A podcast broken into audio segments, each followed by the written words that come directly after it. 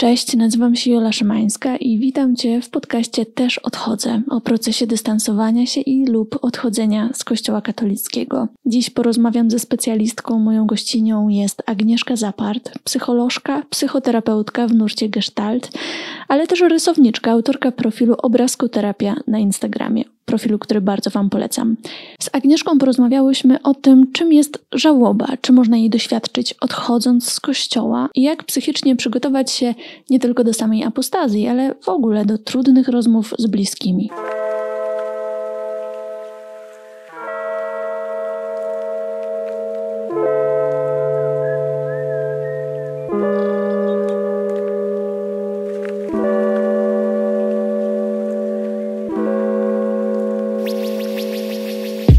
Cześć Agnieszka. Cześć, hej. Spotykamy się dzisiaj, żeby porozmawiać o takim trudnym etapie w życiu, o żałobie, o utracie. To jest mhm. też temat, który bardzo często się pojawiał, kiedy rozmawiałam z różnymi gośćmi tego podcastu, ale też w ogóle na przykład z moimi patronami o procesie odchodzenia z kościoła katolickiego. No ale jest też tak, że sama często spotykałam się z tym, że na przykład księża czy różni świeccy mówili, że odejście do kościoła to jest takie pójście na łatwiznę, to jest takie odpuszczenie, to jest jakaś przegrana.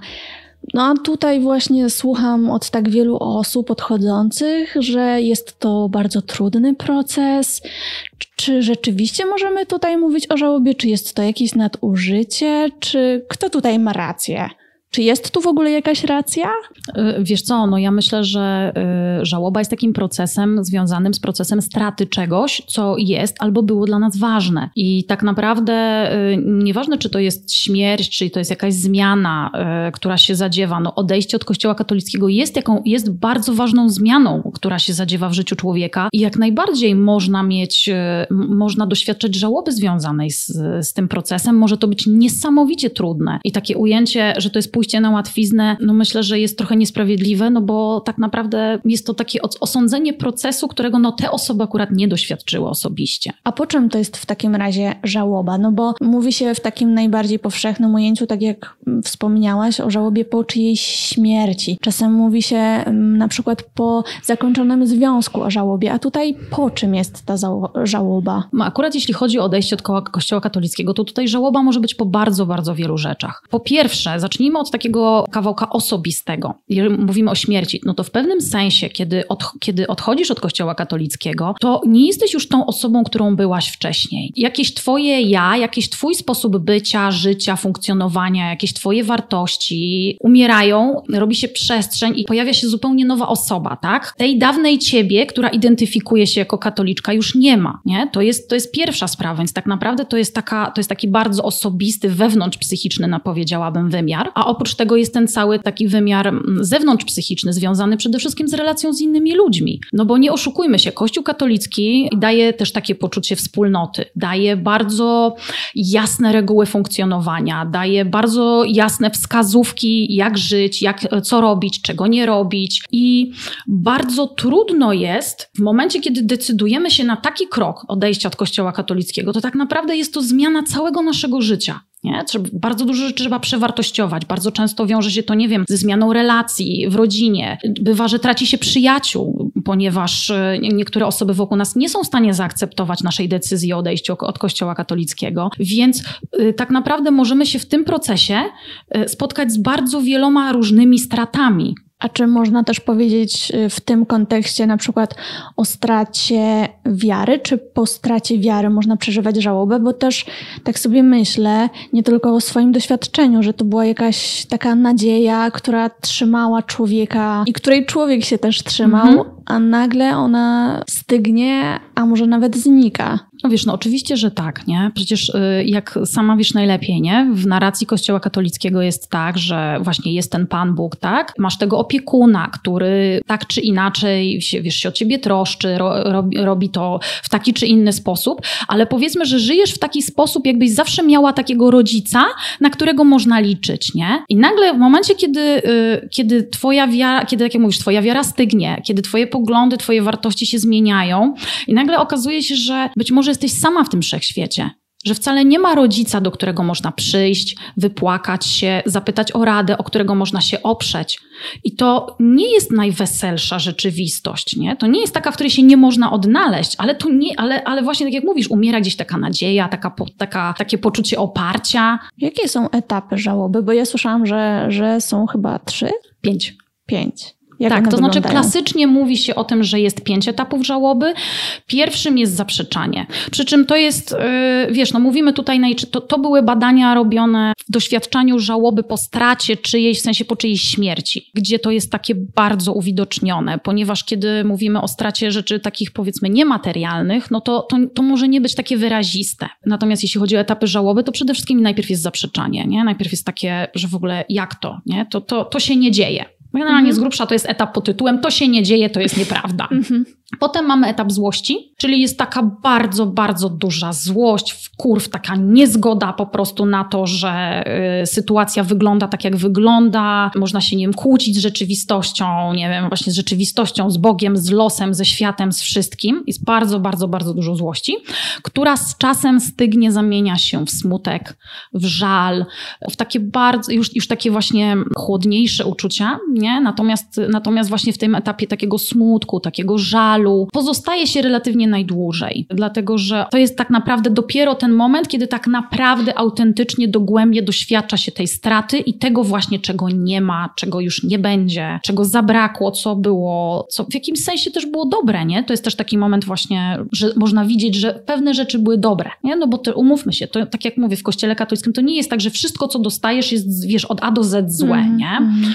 I można mieć tak, że po prostu się tęskni za tymi rzeczami, które były dobre, że to boli, że już tego nie ma, nie? Potem pojawia się dopiero etap akceptacji, takiej powolnej akceptacji i y, na sam koniec no już jest ten etap takiego, powiedzmy, można powiedzieć w tym momencie wyzdrowienia, czy takiego powrotu do normalności, nie? Mm. Tak jakby wracasz do normalnego życia, tak jakby tego, tej, tej straty nie było, nie? Ona gdzieś tam mm. zostaje w pamięci, być może gdzieś w nostalgii, ale to nie jest coś, co dezorganizuje nam życie, bo y, żałoba jest takim procesem, który w pewnym sensie dezorganizuje nam życie. Czy według Ciebie one, jeżeli chodzi o etapy żałoby, właśnie odnośnie odchodzenia z kościoła mogą wyglądać trochę inaczej? Te etapy są, będą mniej więcej podobne, natomiast wiadomo, że inaczej będzie się zachowała, zachowywała na przykład osoba na etapie złości, yy, której, z której odszedł ktoś bliski i umarł, niż na przykład taka, która właśnie odchodzi z kościoła. Relatywnie często jest tak, że osoby odchodzą z kościoła, to to są bardzo często, przynajmniej przez pewien czas, najwięksi potem tacy antyklerykałowie, mhm. z, z, najbardziej zajadli wrogowie, którzy będą opowiadać, jaka to jest w ogóle patologia w kościele, mhm. jaki dramat, nie?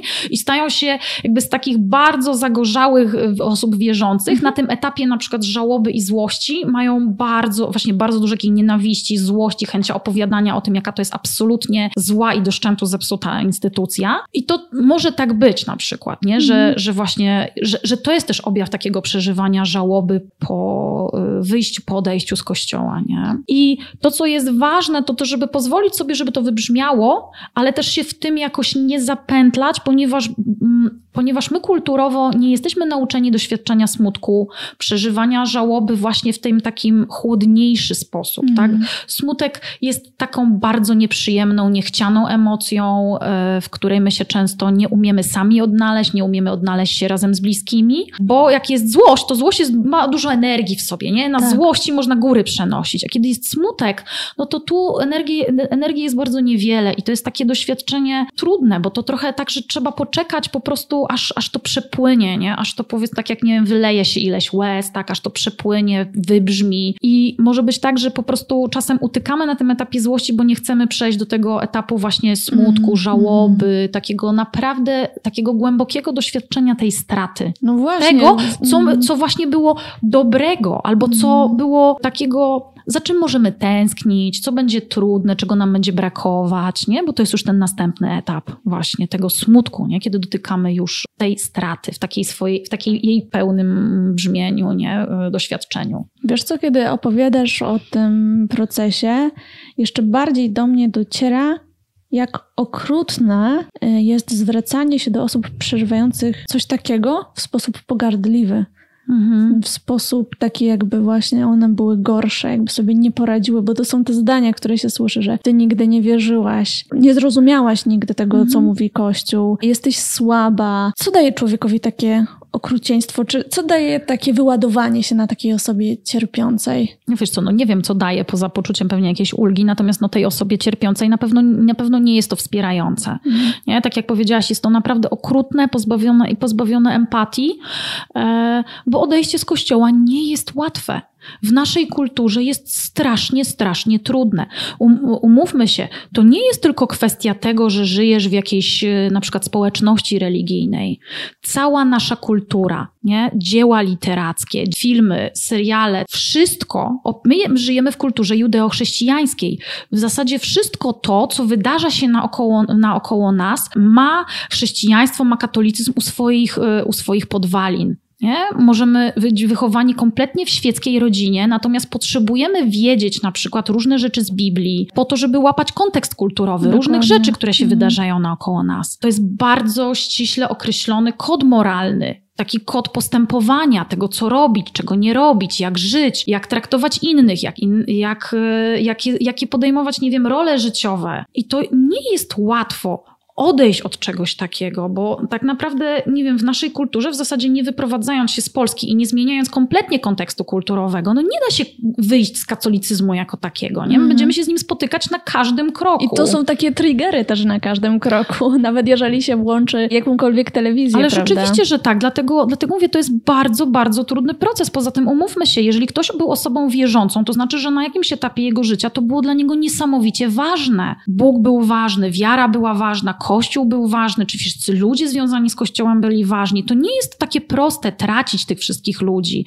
albo nagle uświadamiać sobie, że kurczę, to nie do końca jest tak, jak ja myślałam albo myślałem do tej pory. To jest bardzo bolesny i trudny proces. I tak jak ty mówisz o tych, tych wszystkich tekstach, one są naprawdę okrutne, pozbawione empatii i takiego wejścia w, tak naprawdę w to, co się wydarza w, w sercu, w duszy, w, w myślach, w ciele takiej osoby, która decyduje się odejść. To przeżywanie straty przy odchodzeniu z kościoła, później przeżywanie e, żałoby, ile one mogą trwać? To jest bardzo indywidualne. Mm. To jest bardzo indywidualne, no bo to, bardzo, bo to zależy od tego, czy wiesz, czy to czy na przykład, nie wiem, podejmujesz tą decyzję o odejściu z kościoła w wieku lat 18, 20 paru, 30, mm. 40, 60. Mm. Wiesz, jak długo tam byłaś, jakie masz doświadczenia. Dla jednych to będzie łatwiejsze, bo na przykład nie byli tak bardzo związani z kościołem, dla innych będzie to niezwykle trudne, mm. ponieważ ta, sta, stanowiło to, e, nie wiem, bardzo in, taką integralną część ich życia, nie? Więc e, tu się nie da tego e, jakoś zamknąć w jakichś takich ramach czasowych. Nie? Co może pomóc w przeżywaniu żałoby? Jak o siebie wtedy zadbać? Wiesz co, na pewno wsparcie.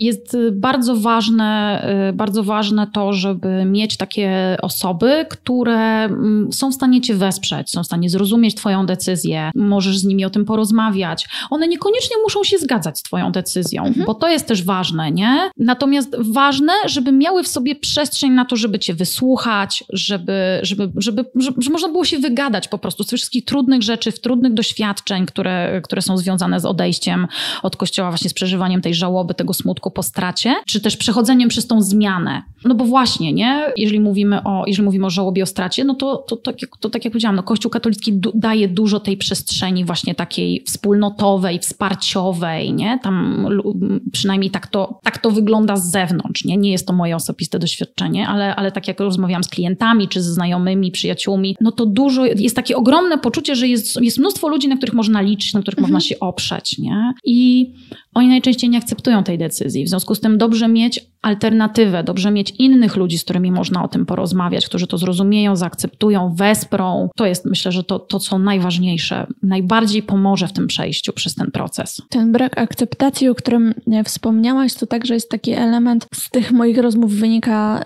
wyjątkowo trudny, też szczególnie kiedy dzieje się tak przy tych najważniejszych dla nas e, relacjach. Ale tak sobie pomyślałam, że zanim o tym porozmawiamy z punktu widzenia osoby, która odchodzi, osoby, która się dystansuje albo która nawet przeżywa kryzys wiary, to Chciałabym porozmawiać o tych osobach, które właśnie w ten sposób y, reagują. Jakby mhm. nie są w stanie się pogodzić z tym, że ktoś y, tak się zachowuje, czy podejmuje taką decyzję, dystansuje się do kościoła. I dlatego chciałam się Ciebie zapytać, co może czuć osoba, która właśnie nie radzi sobie z tym, że jej bliski, jej bliska z kościoła odchodzi? Wiesz, no, no przede wszystkim wyobrażam sobie i tak to też rozumiem z tego, co mówią, co mówią do mnie różni ludzie w tym kontekście, to to jest przede wszystkim strach i przede wszystkim złość. Mhm. Dlatego, że zobacz, jeżeli żyjesz w zgodzie z tym, co mówi Kościół katolicki, jest to twój, e, jest to twój sposób widzenia świata, twój system wartości, jest to, są to twoje przekonania o tym, jak funkcjonuje świat, no to jeżeli ktoś bliski tobie temu zaprzecza, no to w tym momencie możesz być, możesz być przestraszona, ale jak to, nie? Przecież on, ona grzeszy, przecież ona może, nie wiem, zaprzepaścić swoją duszę, ona może, może jej się stać coś bardzo złego, ja się na to absolutnie nie zgadzam na przykład, mm. nie? I to może być taka troska, nie? Mm. I to jest jedno, myślę, co może, co może powodować tymi ludźmi, którzy, którym trudno zaakceptować tą decyzję. A druga to jest też taka niezgoda związana z lękiem też, ale takim bardziej osobistym, no bo wiesz, jeśli ktoś nagle się nie zgadza, zaczyna kontestować różne rzeczy, podważać, to bardzo często w ludziach pojawia się taki opór i taka niechęć do tego, żeby na przykład samemu się na tym zastanawiać, no bo sorry, skoro ona odchodzi, nie? Albo on odchodzi, no to może ma jakiś powód ważny, nie? Mm -hmm. I nie wiem, zaczynają te osoby z tą, z tą osobą rozmawiać i nagle pojawiają się, nie wiem, wątpliwości, jakieś e, takie, jakaś niepewność, którą na przykład te osoby chcą od siebie odsunąć, nie? No bo wiesz, ich wiara jest niezachwiana. Oni nie chcą wątpić, tak? Mm. Oni chcą pozostać na tej ścieżce, której chcą, no, której są i nie chcą rozmawiać z nikim, kto będzie ich na przykład z tej, z tej ścieżki ściągał albo budził jakieś wątpliwości. I wtedy chcą się od takiej osoby zdystansować i odsunąć. Czy to jest w jakiś sposób też nasza wina, czy my jesteśmy w stanie zakomunikować im nasze odejście z kościoła w taki sposób, żeby tego lęku, żeby tej złości nie wywołać? Wiesz co, przede wszystkim ja bym tu chciała, bo właśnie mówisz o winie, nie? To jest coś takiego, co się pojawia bardzo dużo w narracji kościoła katolickiego. Ja bym chciała w ogóle wywalić słowo wina. Najchętniej to bym w ogóle je wywaliła z dyskursu publicznego, ale na pewno tutaj z tej, z tej rozmowy ja bym porozmawiała o odpowiedzialności. A jeżeli mówimy o odpowiedzialności, to tak naprawdę dorosły człowiek odpowiada za swoje swoje czyny, za swoje emocje, nie odpowiadasz za to, co czują inni. W sensie takim, że ty możesz z jak największym szacunkiem, empatią i miłością yy, zakomunikować drugiej osobie o tym, co ty robisz i jakie ty podejmujesz decyzje. Nie mówisz o niej, o jej, o niej emocjach, o jej wierzeniu, ty mówisz o sobie tylko i wyłącznie, a to i tak może ją poruszyć do tego stopnia, że będzie odbierała to niesamowicie osobiście, właśnie wkurzy się, przestraszy, zasmuci, spowoduje to u niej mnóstwo różnych emocji. I tak samo jak jej emocje są ok, ona ma do nich prawo, tak samo ty masz prawo robić to, co robisz, nie? Często w tym kontekście odchodzenia z kościoła, myślę, że po każdej ze stron, e, bo jest ich myślę też, że więcej niż dwie, o. jest używane takie pojęcie dojrzałości. To jest w ogóle takie pojęcie, które myślę ogromną karierę robi i jest zawsze takim poczuciem wyższości, że o, to nie dojrzałość, o, to dojrzałość. Tak, tak. E, czym jest dojrzałość i co według ciebie jako psychoterapeutki jest dojrzałe w takiej sytuacji? Wiesz co, to może najpierw, najpierw szerzej. Dla mnie osoba dojrzała to jest taka osoba, która świadomie godzi się na konsekwencje swoich działań i mm. bierze za nie odpowiedzialność. Mm. O tym jest dla mnie dojrzałość, ponieważ y, osoba dojrzała jest świadoma tego, że jest doskonale wolna i tak naprawdę może zrobić absolutnie wszystko, tylko ponosi tego konsekwencje i podejmując decyzję o tym, co robi i czego nie robi w życiu, zgadza się na to, że y, bierze tą odpowiedzialność na siebie i mówi: OK, dobra, to jest moja decyzja, biorę na klatę wszystkie konsekwencje. I to tak naprawdę, czy dobrze rozumiem, że taką decyzją jest zarówno pozostanie w tym kościele, zarówno odejście, Oczywiście, prawda? że tak. Oczywiście, że tak. Jeżeli jest to świadoma, przemyślana decyzja mhm. na takiej zasadzie, że okej, okay, takie i takie są konsekwencje pozostania w kościele, a takie, a takie są konsekwencje odejścia. Mhm. W porządku. Ja się z tym zgadzam. Jakby jestem na to gotowa, nie? Tak, może to być nieprzyjemne w każdą ze stron, ale ja się po prostu na to godzę, bo taką podejmuję decyzję, nie? Dorosłość i dojrzałość to jest podejmowanie decyzji i branie na siebie odpowiedzialności za konsekwencje, jakie to, jakie te decyzje rodzą decydując się na odejście z kościoła i biorąc za te decyzje odpowiedzialność, niestety często tak się wydarzy, że jednak prowokujemy, chcieć nie chcieć tą swoją decyzją, te trudne reakcje. Mhm. I tutaj pojawia mi się z kolei pytanie o granice, bo z jednej strony warto rozumieć drugą osobę, czy to rodzica, czy księdza, czy znajomego, czy przyjaciela, którzy prawdopodobnie wierzą w to, że jeżeli ja odchodzę od kościoła, to nie wiem, pójdę do piekła. Tak, robisz sobie straszną krzywdę w ich, w ich widzeniu tak, świata. Tak, nie? tak, tak. I jakby szacunkiem do tego y, i zrozumieniem dla jego, jej mm, emocji y, czy wiary, jednak y, chyba warto, żebym też zadbała, zadbał o siebie. W jaki sposób w takiej sytuacji stawiać, możemy postawić granice. O, i może też, gdzie według Ciebie jest ten moment, że, że te granice warto byłoby postawić, że to już jest fajnie, empatia, okej, okay, ale mhm. tu już warto byłoby postawić granicę. Wiesz co, bo tak powiedziałaś, że chyba warto o siebie zadbać. Nie chyba, na pewno. Mhm. Chcę to podkreślić po prostu wielką czerwoną krechą, bo my mm, niestety dużo częściej jest tak, że my mamy dużo bardzo empatii dla innych, zrozumienia, zwłaszcza, my, zwłaszcza kobiety, natomiast no, umówmy się, nie, nie, nie tylko. Natomiast bardzo trudno nam jest dbać o swoje własne granice i tak naprawdę wyczuć ten moment, kiedy one są przekraczane, bo my zwyczajnie nie jesteśmy tego uczeni.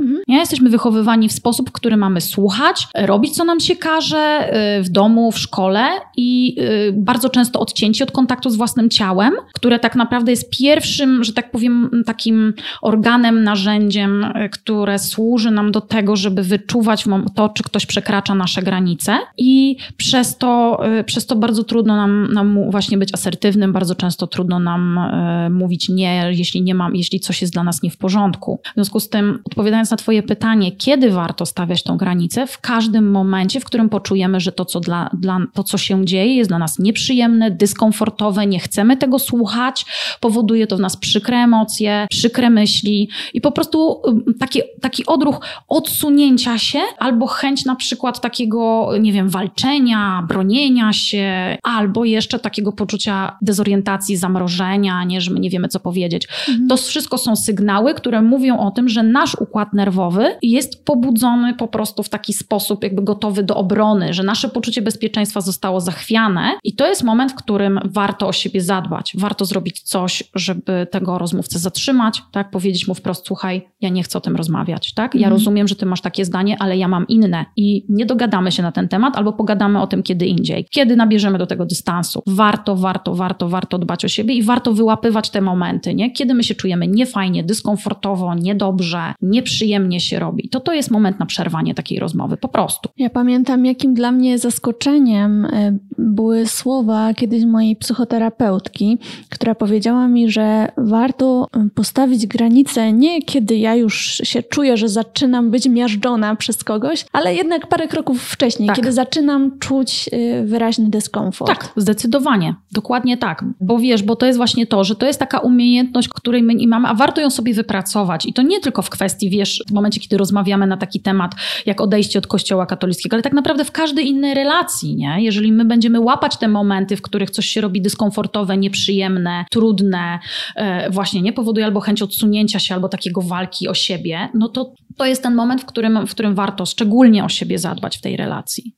Czy to nie jest tak, że próba kontroli drugiej osoby często przynosi odwrotny skutek, bo tak przypomina mi się historia mojej koleżanki, która miała bardzo wierzących rodziców. Ona też była e, osobą i zdaje się jest osobą wierzącą. I kiedy była nastolatką, e, była bardzo zakochana w swoim chłopaku i współżyli, e, uprawiali seks. Ale kiedy szła z rodzicami do kościoła, to nawet kiedy nie zdążyła pójść wcześniej do spowiedzi, to szła do komunii, co jest mhm. w kościele katolickim chyba jednym z takich najgorszych Świętokradztwo to jest. Dokładnie. Mhm ponieważ wiedziała, że jej rodzice w kościele patrzą, czy ona tak, idzie, idzie do, do komunii. komunii. Mhm. I to jest dla mnie, ten obrazek jest dla mnie takim symbolem paradoksu tej kontroli. Jak działa w ogóle kontrola i dlaczego my, ma, my myślimy czasem, że my możemy kontrolować innych ludzi? Ojej, od czego tu zacząć?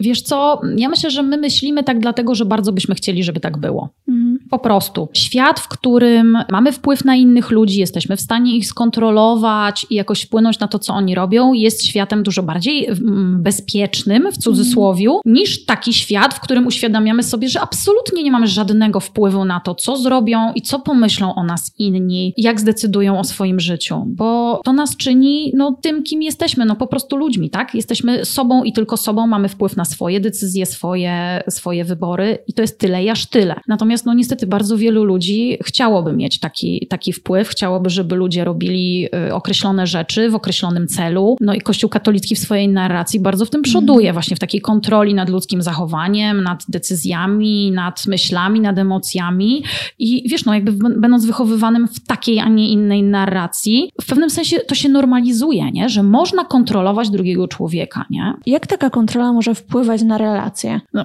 przede wszystkim bardzo destrukcyjnie, ponieważ jeżeli mówimy o kontroli, to znaczy, że mamy osobę, która kontroluje i osobę kontrolowaną. To jest już relacja, która jest relacją nierówną, bo w pewnym sensie jest osoba, która jest, która, która mm, jakoś oddziałuje i poddaje się temu oddziaływaniu. To nie jest równa relacja, to nie jest partnerstwo, a jeżeli my nie mamy partnerstwa w relacji, dwojga, dwojki, dwojga dorosłych ludzi, to bardzo ciężko jest budować przyjaźń, miłość, empatię, szacunek, taką wzajemność polegającą na, taki, na takim szacunku do drugiej osoby dla jej niezależności i dlatego, że ona jest osobnym człowiekiem, który ma swoje życie, swoje sprawy, swoje marzenia, swoje cele i współdzieli z nami to życie, tak? I na przykład doceniać fakt, że ona jest. A w takiej relacji rodzic nastoletnie dziecko, mhm. bo tutaj na przykład ta historia mojej koleżanki o tym mówi, ale też wiele osób o tym wspomina, no jednak, że to jest taki traumatyczny czas, prawda, że już człowiek jakieś decyzje podejmuje, już szuka jakichś swoich wartości,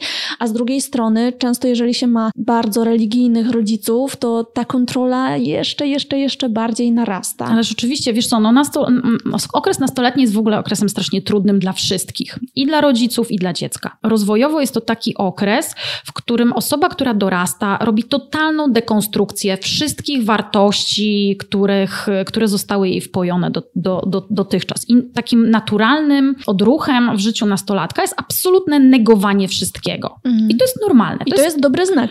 Y, tak, tak, ponieważ y, no, po, po co to jest? To jest po to, żeby dziecko mogło się oddzielić od rodziców i stać samodzielnie myślącym, funkcjonującym człowiekiem, który właśnie jest dojrzały, tak? Czyli potrafi podejmować swoje własne decyzje i brać na klatę ich konsekwencje i robić to odpowiedzialnie, świadomie, nie? To jest normalny, naturalny proces, bo to, co ma do zrobienia y, człowiek w okresie w ogóle rozwoju, to jest taki, tak naprawdę, popatrzmy to rozwojowo. Dziecko jest absolutnie zakochane i wpatrzone w rodziców, nie? Mhm. Do tam pewnego wieku. Co rodzice nie powiedzą, to ono się zgadza, będzie chodziło do szkoły i powtarzało dokładnie, tak. jakby wiesz, słowo to w słowo to, co y, usłyszy w domu. Potem jest etap totalnej negacji, czyli właśnie ten najczęściej jest okres, na, okres nastoletni, kiedy się w ogóle buntuje, zaprzecza i, i, i to jest normalne, bo to jest po to, żeby potem w okresie już do, dorosłości, tak, kiedy wychodzi się z okresu y, nastoletniego, być w stanie zintegrować to, co się samodzielnie odkryło w świecie, z tym, co się dostało w domu. Bo my tak naprawdę jesteśmy miksem, nie? Jeżeli chodzi o nasze wartości, przekonania, tak jak patrzymy, jak podchodzimy do ludzi, do świata, jest gdzieś tym miksem tego, co wynieśliśmy z domu, razem z tym, co sami żeśmy wymyślili, przemyśleli, wypracowali, doświadczyli, yy, zobaczyli. Nie? I to jest, to jest ten etap dorosłości. Ja dziś też już wiem, że bunt właśnie w, tym wieku nastoletnim, czy u niektórych we wczesnych y, dwudziestych tak, we wczesnych latach, mm -hmm. to jest coś tak bardzo, bardzo, bardzo ważnego. Z masy historii, y, które podsyłali mi ludzie, y, wynikało, że ze względu na taką bardzo mocną religijność w domu, ten bunt u nich nie nastąpił. Tak. Mieli te 25 lat i dalej szukali potwierdzenia u rodziców, mhm. dalej jakby musiała być akceptacja rodziców. W pewnym i sensie w dalszym ciągu byli dziećmi, nie? Mieli 25 lat, a dalej byli, dalej byli dziećmi, bo, bo zabrakło tego momentu właśnie tej separacji, tego oddzielania się, tej samodzielności. No bo nie da się wypracować samodzielności, dojrzałości i dorosłości bez tego etapu, w którym nie ma rodziców, mhm. w którym mhm. popełniamy, w którym robimy różne rzeczy i popełniamy błędy. No nie ma opcji, żeby się inaczej nauczyć, nie? Bez popełnienia kilku kilku błędów, bez zrobienia kilku głupich rzeczy, których potem być może żałujemy, ale jest to dla nas nauka na całą resztę życia, bo wyciągamy z tego wnioski. I bardzo często, wracając do Twojego pytania o kontroli, rodzice, mając y, wyobrażenie, albo nie wiem, swoje własne doświadczenia, chcą w cudzysłowie, nie wiem, uchronić dzieci przed tą taką głupotą, nie? Bo wiadomo, że mm. nastolatki to robią głupie rzeczy, mm. nie? Mogą, nie wiem, mogą grzeszyć, mogą robić mnóstwo fatalnych rzeczy, które są nie do zaakceptowania, w związku z tym dokręca im się śrubę, żeby czasem mm. im nie przyszło do głowy coś głupiego i tak naprawdę, no, efekt może być gorszy od zamierzonego. Przeczytam fragment wiadomości, którą kiedyś y, dostałam. Mhm, dawaj. Moi rodzice są ultrakonserwatywni, przez co rozumiem bardzo konserwatywni w sferze moralno-seksualnej, bardzo religijni. Przez cały okres dorastania praktycznie nie miałam opcji, żeby się zbuntować przeciwko czemukolwiek. Przyjmowałam wiele rzeczy bezrefleksyjnie i ich nie kwestionowałam. Zresztą nawet jakbym próbowała, to marny byłby mój los przerażająca jest taka perspektywa y, nastolatka. To trochę brzmi jak, jak takie więzienie. Tak. Czy kiedy temu rodzicowi uda się tak ścisnąć tego mhm. młodego człowieka, żeby się trzymał z różnych, nie wiem, czy z lęku, czy po prostu... No z lęku, przede wszystkim z lęku. To kiedy z jakiegoś powodu, nie wiem, będzie starszy czy starsza, pójdzie na terapię, albo będzie mieć jakieś doświadczenie, które otworzy Zmieni go... jego światopogląd. Dokładnie. Mhm. To czy ten przetrzymany bunt może być jeszcze większy niż ten wcześniejszy? Czy, czy to jest jakby tendencja, tak wygląda? Czy on będzie jakby taki sam, jakby był, jak wiesz był co, nastolatkiem? No, jakby, no, bunt to jest coś, co ciężko zmierzyć, jako, Ach, wiesz, ilościowo, no tak. nie? Natomiast w związku z tym trudno mi odpowiedzieć na pytanie, czy to będzie większe, czy mniejsze niż jakby było. Wiesz, pamiętaj, że na, na okres nastoletni jest okresem długim, nie? Więc powiedzmy, że to jest, wiesz, bunt rozłożony w czasie, mm. nie? Natomiast to na pewno może być bardzo, bardzo trudne dla takiej dorosłej osoby no bo ona jest już w pewnym sensie ukształtowana, biologicznie też jest już bardzo często ukształtowana, ma jakieś życie, jakoś sobie poukładała, nie wiem, może na przykład ma męża, żonę, dzieci i nagle się okazuje, że tak naprawdę prowadzi w ogóle życie wcale nie takie, jakie ona chciała, że w ogóle nie żyje w zgodzie ze sobą, że tak naprawdę żyje zgodnie z konceptem swoich rodziców na przykład. Mm. I to jest ogromny, ogromny dramat, kiedy sobie uświadamiasz y, coś takiego.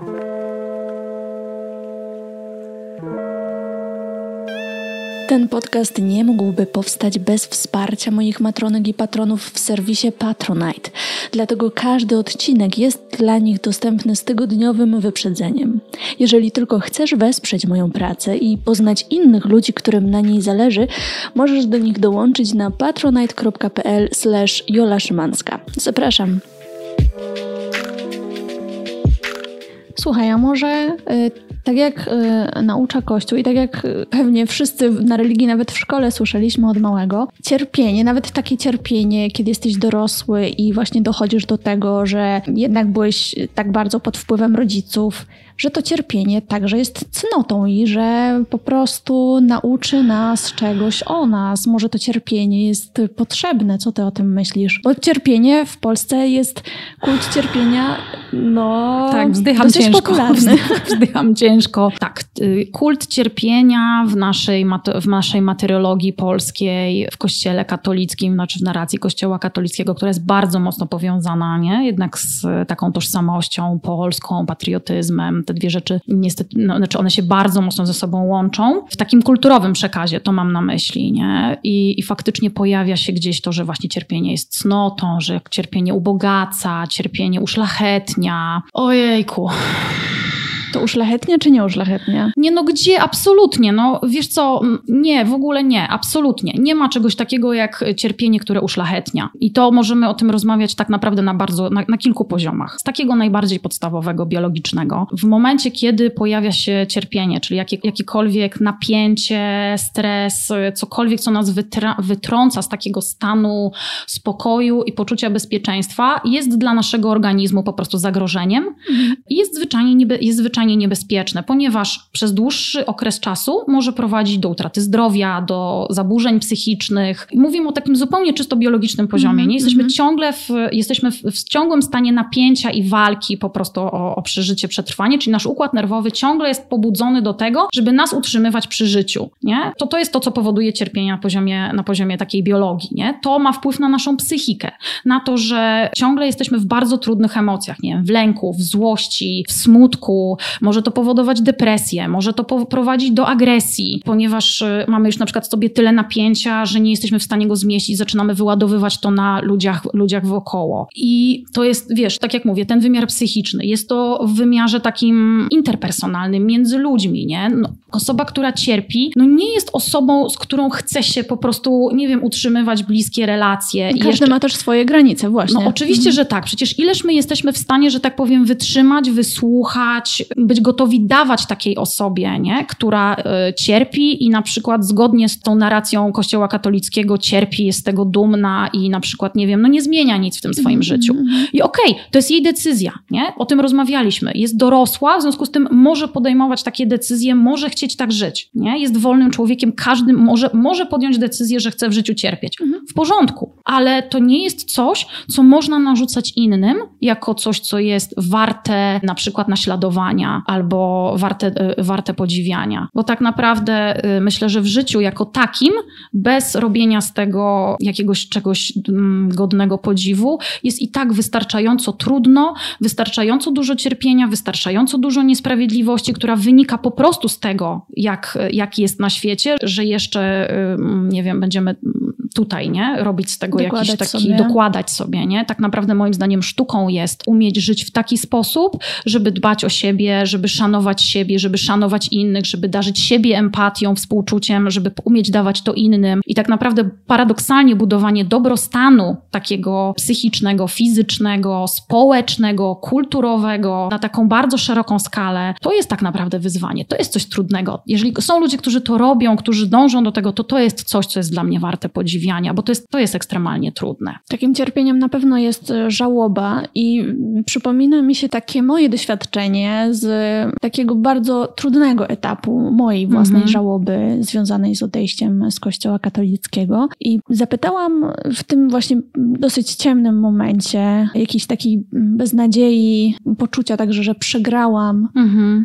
że, że jestem słaba. Zapytałam księdza, który był wtedy dla mnie dosyć sporym autorytetem. Czy według niego mogłabym zrezygnować z chodzenia co niedzielę do kościoła, bo psychicznie mnie to kosztuje tak bardzo dużo, że, że te wszystkie zdania, które słyszę w kościele, te same cytaty z Biblii są mi rzucane jako ataki. Mhm. To był taki też czas, że kiedy mówiłam głośno nawet o swoim kryzysie wiary, a nie jeszcze o odejściu z kościoła, to, to byłam po prostu obrzucana w taki okrutny sposób różnymi cytatami, agresywnymi komentarzami osób, jak rozumiem, wierzących. On mi powiedział, żebym nie przestawała chodzić do kościoła, bo to jest ostatnia rzecz, która łączy mnie z kościołem i to jest bardzo, bardzo bardzo ważne, żeby tylko nie przestawać chodzić do kościoła, żeby iść sobie do tego kościoła, w którym nie ma przemocowych kazań, w którym są spoko kazania i po prostu trzymać się tego miejsca. I ja wtedy pomyślałam sobie, okej, okay, rozumiem, ja mam taką możliwość, ale jest masa osób, które są w mniejszych miejscowościach i po pierwsze takiej możliwości nie mają, bo nie mają żadnej, żadnego nie ma każdego kościoła, nie ma kościoła w każdej dzielnicy, że można iść, nie wiem, tak jak mówisz, że każdy iść na inne kazanie na przykład. Dokładnie. A po drugie, także poczułam taką wewnętrzną niezgodę, że nie, że ja po prostu nie, że ja po prostu już nie mam sił, że mnie to krzywdzi, że mnie to boli, że ja chcę sobie pierwszy raz w życiu odpuścić coś. Pierwszy raz w życiu nie ładować w siebie, tylko zrobić dla siebie coś, co da mi poczucie bezpieczeństwa, żeby je mhm. odbudować i jeżeli poczuję się silna, to może wtedy wrócić właśnie na te sensowne kazania czy sensowne msze. Co ty myślisz? Czy, czy to była dobra rada? Ale mówisz teraz o tym, o co, powiedział, e, no. co powiedział ten ksiądz. Wiesz co, ciężko mi to oceniać, e, znaczy wyobrażam sobie, że pewnie on chciał coś dobrego dla ciebie, to jest moje wyobrażenie, że tak jak mówisz, no chciał cię, nie wiem, przytrzymać przy wierze, czy cokolwiek, nie? Natomiast y, to, co mnie jakoś strasznie zasmuciło i zatrzymało, to to, że w ogóle nie było mm, tak naprawdę pytania o to, co takiego się dzieje, że ty nie jesteś w stanie przyjść, nie? Mhm. Że w ogóle tak naprawdę nie było rozmowy o tym, co jest przemocowego w tych kazaniach, nie? To jest też coś takiego, o czym w kościele katolickim się nie, nie, nie, nie rozmawia. Jest y, to bardzo, bardzo widać teraz przy, przy tym temacie y, pedofilii, że niestety jest taka tendencja do tego, żeby o trudnych rzeczach nie rozmawiać, zamiatać je pod dywan. Nie nie ma tej transparentności komunikacji, nie? że to nie jest taka troska o drugiego człowieka w tym momencie, zapytanie jakby co się dzieje, że ty nie jesteś w stanie tam wysiedzieć, nie? Tylko ważne jest to, że ty masz chodzić do kościoła, nie? Masz trzymać się swojej wiary i tak jak mówię, trudno mi wyobrazić sobie, co ten ksiądz myślał, no bo nie jestem nim, nie było mnie tam, nie? Natomiast, e, tak jak mówię, wyobrażam sobie, że żyła w tym jakaś troska, natomiast no, to jest taka troska, którą mnie jest trudno zrozumieć, nie? Bo to nie jest troska o ciebie, o twój dobrostan, o twoje poczucie bezpieczeństwa, to nie jest, to nie jest zajęcie się tym, w czym tak naprawdę jest kłopot, nie? Czy myślisz, że są jakieś e, takie sposoby, nie wiem, retoryczne, czy jakby sposoby rozmowy, tak żeby szybko i skutecznie ucinać dyskusję z kimś, kto Wiesz cały co? czas wraca do tego mhm. i wraca? I dlaczego nie chodzisz do tego kościoła? Babcia będzie smutna. Babcia będzie smutna. Wiesz co, y, zaraz, y, zaraz, ci, y, zaraz ci na to odpowiem, bo jeszcze coś mi się przypomniało a propos tego wątku, o który pytałaś przed chwilą, a propos tego cierpienia, bo nie wiem, czy to wybrzmiało, czy ja to powiedziałam. W każdym razie potrzeba bezpieczeństwa jest jedną jedną z absolutnie najbardziej podstawowych potrzeb człowieka.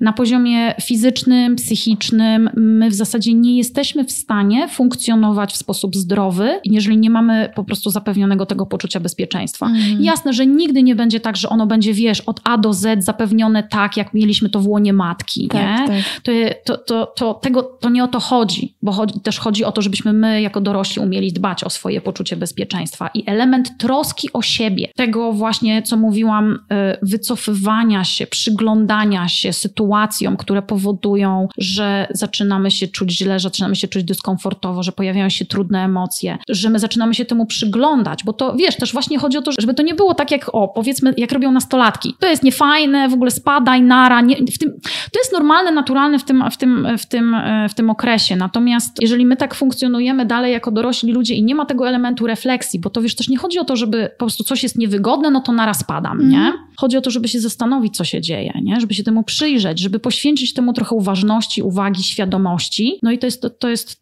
to jest chyba też trochę to, o co pytasz, nie? że co robić z takimi osobami, które na przykład y, ciągle, y, nie wiem, gdzieś tam nas nagabują, nie? Czy, czy nie wiem, nie umieją, sobie, nie umieją sobie odpuścić tych takich zgryźliwych czy trudnych komentarzy. Nie? Czasem bywa tak, że no nie ma innej opcji, żeby się odciąć od kogoś takiego. No bo ileż możesz mówić, nie chcę o tym rozmawiać. Nie? A propos szybkich tekstów, no to co nie chcę o tym rozmawiać. Mhm. Rozumiem, że ty masz inne zdanie, ja mam inne. Nie będziemy o tym rozmawiać. Wprosto, jasno, na temat. Tylko czasem jest tak, że ty to mówisz piąty, dziesiąty, dwudziesty, setny raz i ktoś dalej tego nie słyszy. No to ileż jesteś w stanie walczyć o siebie i ciągle być w relacji, w której ktoś tak naprawdę nie słyszy ciebie i tego, co jest dla ciebie istotne. Ja pamiętam, byłam był taki moment w moim domu rodzinnym. E, w ogóle myślę, że to była taka fala też e, w mediach wtedy katolickich też była tych wszystkich egzorcyzmów i takich rzeczy. Mhm. I u mnie w domu było takie: chodźcie, obejrzymy film o egzorcyzmach, chodźcie, obejrzymy film o jakimś właśnie mistyku, który coś tam miał Robił. jakiś mhm. kontakt magiczny z jakimiś duszami. I ja mówiłam: nie, nie chcę. I ten rodzic zaczął jakby tak mówić, że słuchajcie, obejrzyjmy jakiś fajny rodzinny film. Wszyscy siadaliśmy. Po czym się okazało, że to film o mistyku. Że to egzorcyzmy jakieś, wiesz? I jakby, mhm. że ta osoba tak głęboko wierzyła, że to jest ważniejsze niż to nasze nie. To jest strasznie takie przykre tak naprawdę doświadczenie, tak, bo to tak, tak jak tak. mówisz o takiej, nie ma przestrzeni na to, żeby usłyszeć twoje nie. Jest tylko właśnie wracanie cały czas, bo to jest też, um, myślę... I zobacz, i nie ma refleksji na tym. To jest to, o czym mówiłam z tym księdzem, nie? Nie ma tego momentu zatrzymania i zapytania, a dlaczego nie dziecko? A o co chodzi? Co jest w tym takiego trudnego, nie? Tak. To mi się kojarzy bardzo też z takimi opowieściami księży, czy jakichś osób, które mówiły świadectwa w kościele, że warto tak wiarę tak podsuwać ludziom, że oczywiście co oni sobie z nią zrobią, to ich sprawa, ale żeby tak podsuwać, podsuwać, a nóż się nawrócą, a nóż Bóg do nich przemówi w ten ale sposób. Ale podsuwać to znaczy, wiesz, podsuwać tak jak się, nie wiem, wsuwa list pod drzwi, czy generalnie tak jak się komuś mówi, że to nie jest mięso, e, tylko parówka sojowa, a potem ha, ha, ha, zjadłaś świnkę.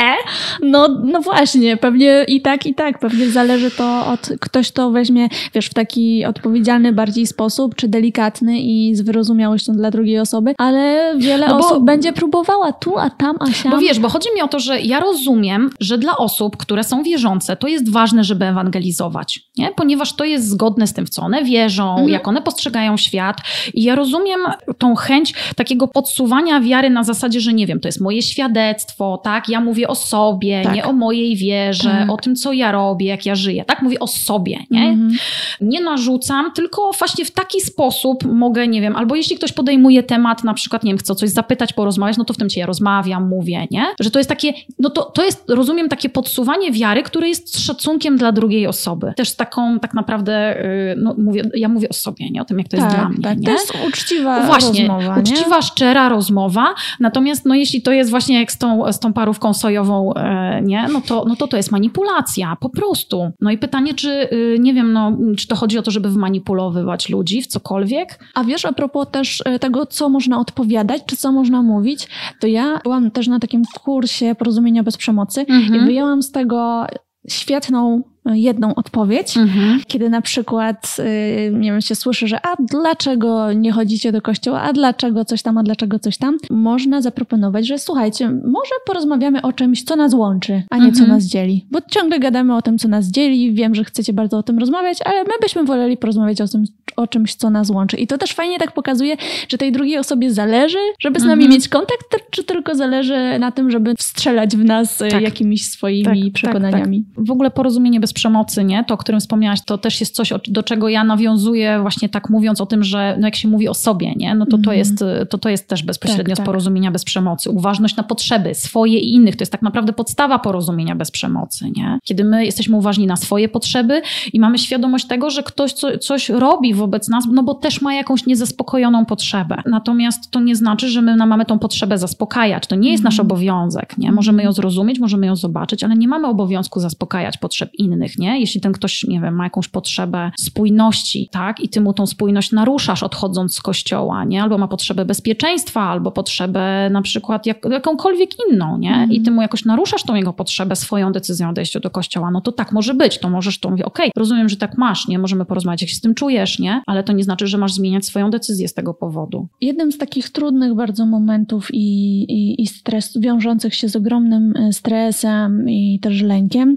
jest dla wielu wielu osób samo dokonanie apostazji, czyli mhm. pójście na te plebanie, poproszenie tam, e, zdaje się o akt chrztu, czasem są tam pytania w jakim celu. Tak, tak. Później przyjście e, z kolei do tej parafii, zdaje się, w której się mieszka i zgłoszenie tego. Czasem księża odsyłają, że trzeba jeszcze raz przyjść, żeby to na pewno przemyśleć, tak jakby ktoś za pierwszym razem przychodził tak po prostu. Wiesz, to tak generalnie casualowo ludzie przychodzą koło kościoła i myślą sobie, a dobra, tak się pójdę wypisać z kościoła nie, nie no mam wolne 5 minut do seansu filmowego, nie? Dokładnie. Pierwsze zapytam o to, co ty właśnie jako psychoterapeutka myślisz w ogóle o tej formie możliwości y, wypisania się z kościoła? Oczywiście też takiej, nie wiadomo, czy to jest rzeczywiste wypisanie się, bo ponoć księża robią tam tylko adnotacje, a nie wykreślają całe nazwisko. Czy według ciebie taki kształt, w takim kształcie apostazja jest uczciwa?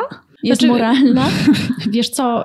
Bo za, e, nikt cię nie, nie zapisałaś się nigdzie, zostałaś zapisana, później byłaś, bo tak zostałaś wy, e, wychowana, ale później jeżeli chcesz odejść, no to po prostu formalizacja. Znaczy powiem, ci, znaczy powiem ci tak, na pewno to, w jaki sposób to wygląda w Polsce jest robione w sposób niezwykle przemocowy wobec osób, które chcą odejść od kościoła. Mhm. Bo no to, że masz przyjść na plebanie i pozałatwiać rzeczy, no to trudno, żeby to się miało odbyć inaczej, nie? Skoro mhm. te papiery są na tej plebanii, tak, no, no gdzieś Jasne. muszą być przechowywane. Nie? Natomiast y, to, jak opowiadają osoby, które chciały dokonać apostazji, w jaki sposób są traktowane właśnie jako osoby, nie wiem, niedojrzałe, niepoważne, odsyłane, że mają tam iść, siam iść, a może przyjść jeszcze pięć razy, a może jeszcze napisać specjalne podanie.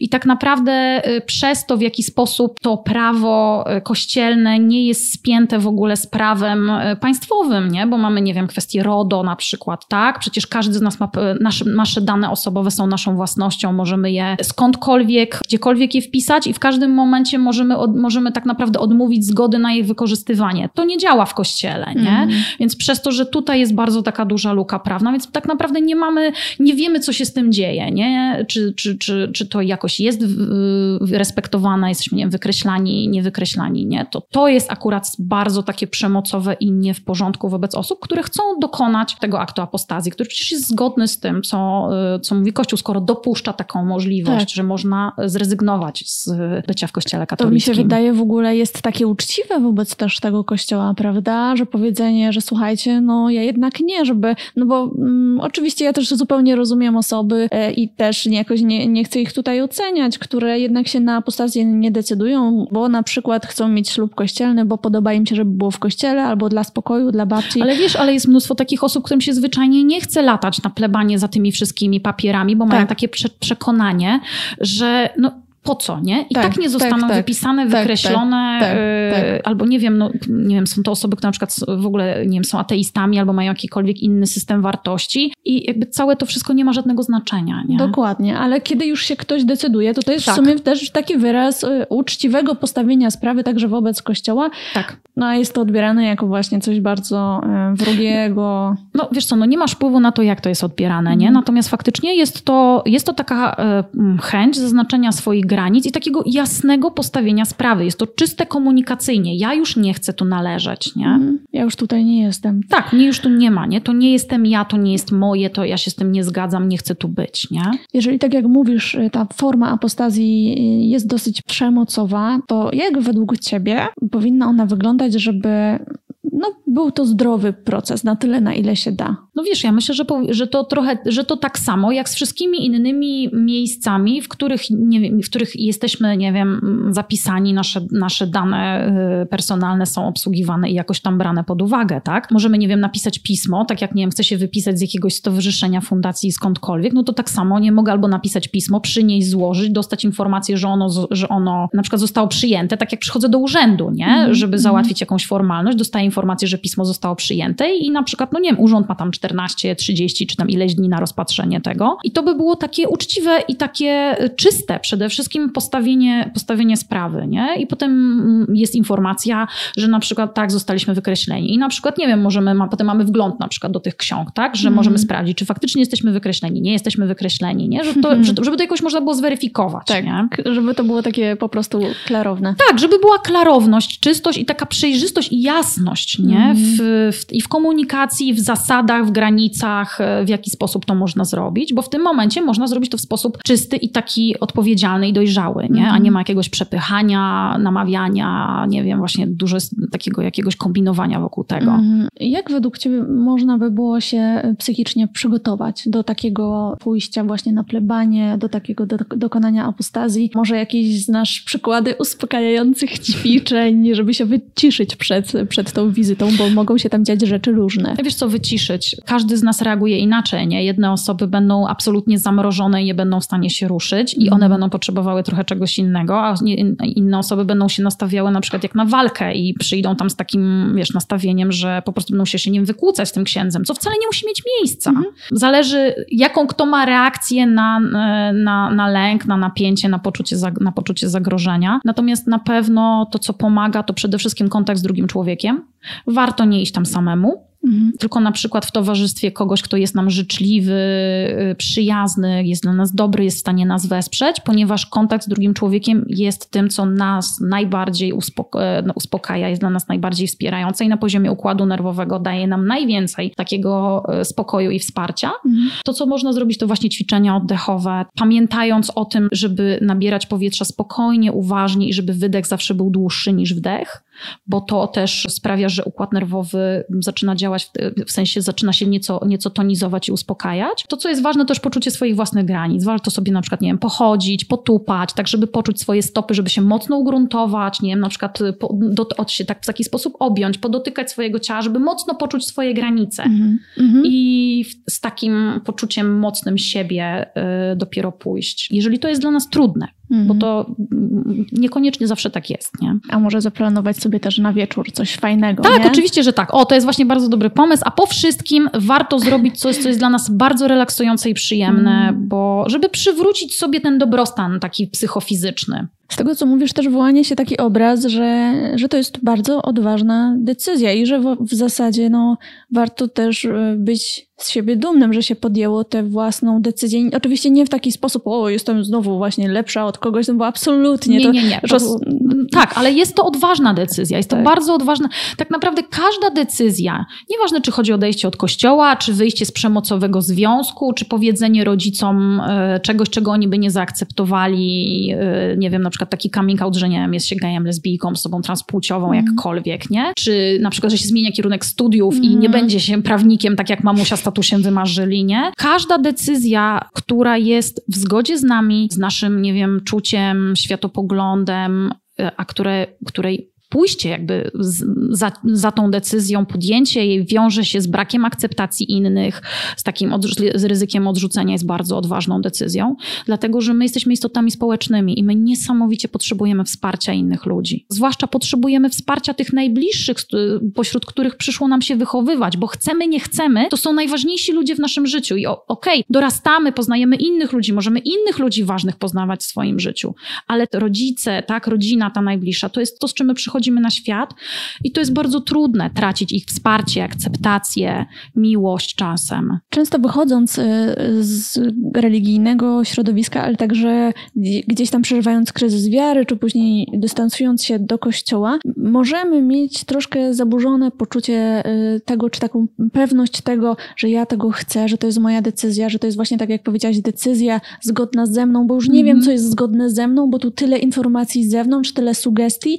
Jednocześnie jednocześnie ogromny lęk, po czym poznać, że to jest moja decyzja? Czy jak można szukać w ogóle tej swojej decyzji, czym się możemy kierować? To jest cała sztuka w ogóle takiej uważności na siebie i takiej umiejętności wsłuchiwania się w siebie. Taka moja mentorka bardzo często zadaje takie pytanie, e, pyta mnie czasem o coś takiego, jak ja się gdzieś czymś pogubię, ona mówi, dobra, to kim jesteś i czego pragnie twoja dusza, nie? Mhm. E, kiedy ona mówi, dusza ma na myśli, co ja mam w sobie, w środku, w swoim sercu, w moim poczuciu, nie wiem, co mi podpowiada intuicja, bo kiedy my siądziemy ze sobą, nie, sami ze sobą w ciszy i zadamy sobie kilka kluczowych pytań i zaczekamy chwilę, to te odpowiedzi zaczynają się pojawiać. Bardzo często my nie, nie dajemy sobie tego czasu i tej przestrzeni, ponieważ to, co moglibyśmy poczuć, usłyszeć, pomyśleć, doświadczyć, jest nieprzyjemne. Nie mhm. chcemy się konfrontować mm. z tym, że na przykład nie jest nam dobrze, nie jesteśmy szczęśliwi, albo coś jest dla nas trudne i mamy już tego dość, nie? Natomiast, no, jeśli damy sobie ten moment. To jest, taki, to, jest, to jest tak naprawdę pięć takich rzeczy, na które warto zwracać uwagę, ucząc się tego takiego wsłuchiwania w siebie. To jest po pierwsze tak, nasze myśli, czyli jakie pojawiają nam się myśli, mhm. jakie pojawiają się obrazy, odczucia z ciała, takie, takie zmysły, to jak mówię obrazy, ale mam na myśli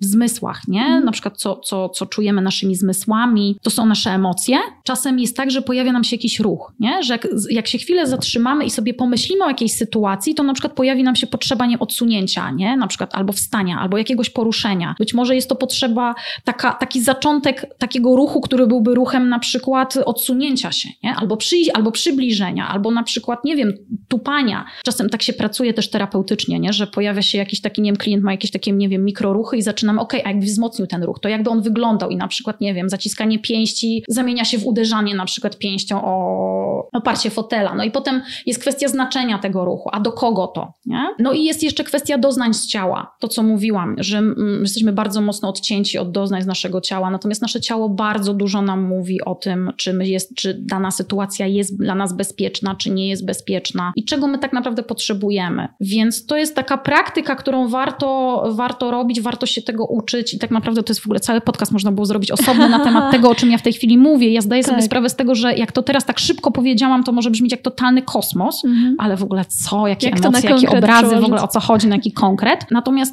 Najprościej chodzi o to, żeby dawać sobie czas i taką uważność i zaglądać w siebie, w swoje emocje, w swoje myśli, w różne obrazy, które nam się pojawiają, e, odczucia z ciała i to jest ten drogowskaz, który my, my, to, my mamy wiele odpowiedzi w sobie, tylko bardzo często e, nie chce, nie, z różnych powodów nie zatrzymujemy się, żeby ich posłuchać. Mm.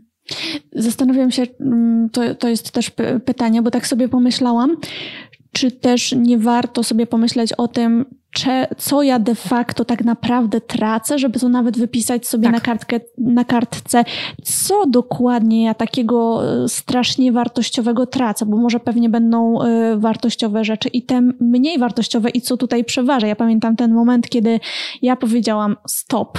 To, mhm. to akurat u mnie było wywołane bardzo konkretną sytuacją, która już była zdecydowana. Myślę, że wcześniej warto byłoby podjąć tą de tę decyzję, ale wtedy zaczęłam sobie myśleć, co ja zyskuję, a co ja tracę, ile mhm. ja zyskuję, ile ja tracę i co jest rzeczywiście stratą, a co jest po prostu jakąś trudnością. Czy na przykład to powiedzenie rodzicom, rodzicom koniecznie będzie stratą, czy zostanę odrzucona, czy tylko ja to wizualizuję. Może dla nich jednak będę ważniejsza ja niż moje chodzenie do kościoła. To, to są dwie różne rzeczy, mhm. bo zrobienie sobie listy i takiego wejrzenia w siebie na zasadzie, ok, no to właśnie odpowiedzenia sobie na to pytanie, na przykład, nie, co ja tak naprawdę tracę? To jest bardzo dobre pytanie, bo kiedy damy sobie ten moment y, sami ze sobą, no to, no, no to może się okazać, że może niewiele. Mhm. Że tak naprawdę, nie wiem, w ogóle nam nie zależy ani o tych ludziach, ani o tym miejscu, nie? Ale na przykład trudno nam to przyznać, bo to jest jest takie trochę niefajne, nie? Mm. Pomyśleć sobie, że w sumie ci ludzie nie są nam nieważni.